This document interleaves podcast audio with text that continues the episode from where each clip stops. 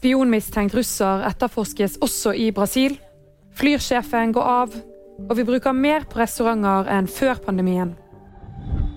Spionmistenkte Mikhail Mikoshin etterforskes også i Brasil. Det får VG bekreftet fra brasilianske myndigheter. Mikoshin jobbet i Norge som fredsforsker, men PST mener at han er en russisk statsborger på oppdrag fra russisk militær etterretning. Han sitter nå i varetekt i Norge. I Brasil ser man alvorlig på dokumentforfalskning og bruk av falsk identitet, og dette kan straffes med 15 års fengsel. Tonje Wikstrøm Frislid går av som toppsjef i Flyr. Det skriver flyselskapet i en pressemelding. Frislid har ledet flyselskapet siden oppstarten i fjor.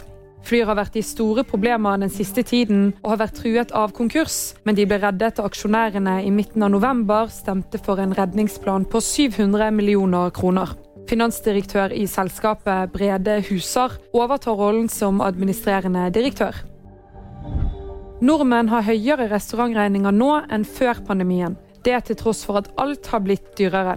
Tall fra BankAccept og VIPS viser en økning på 9% for restaurantbransjen sammenlignet med 2019.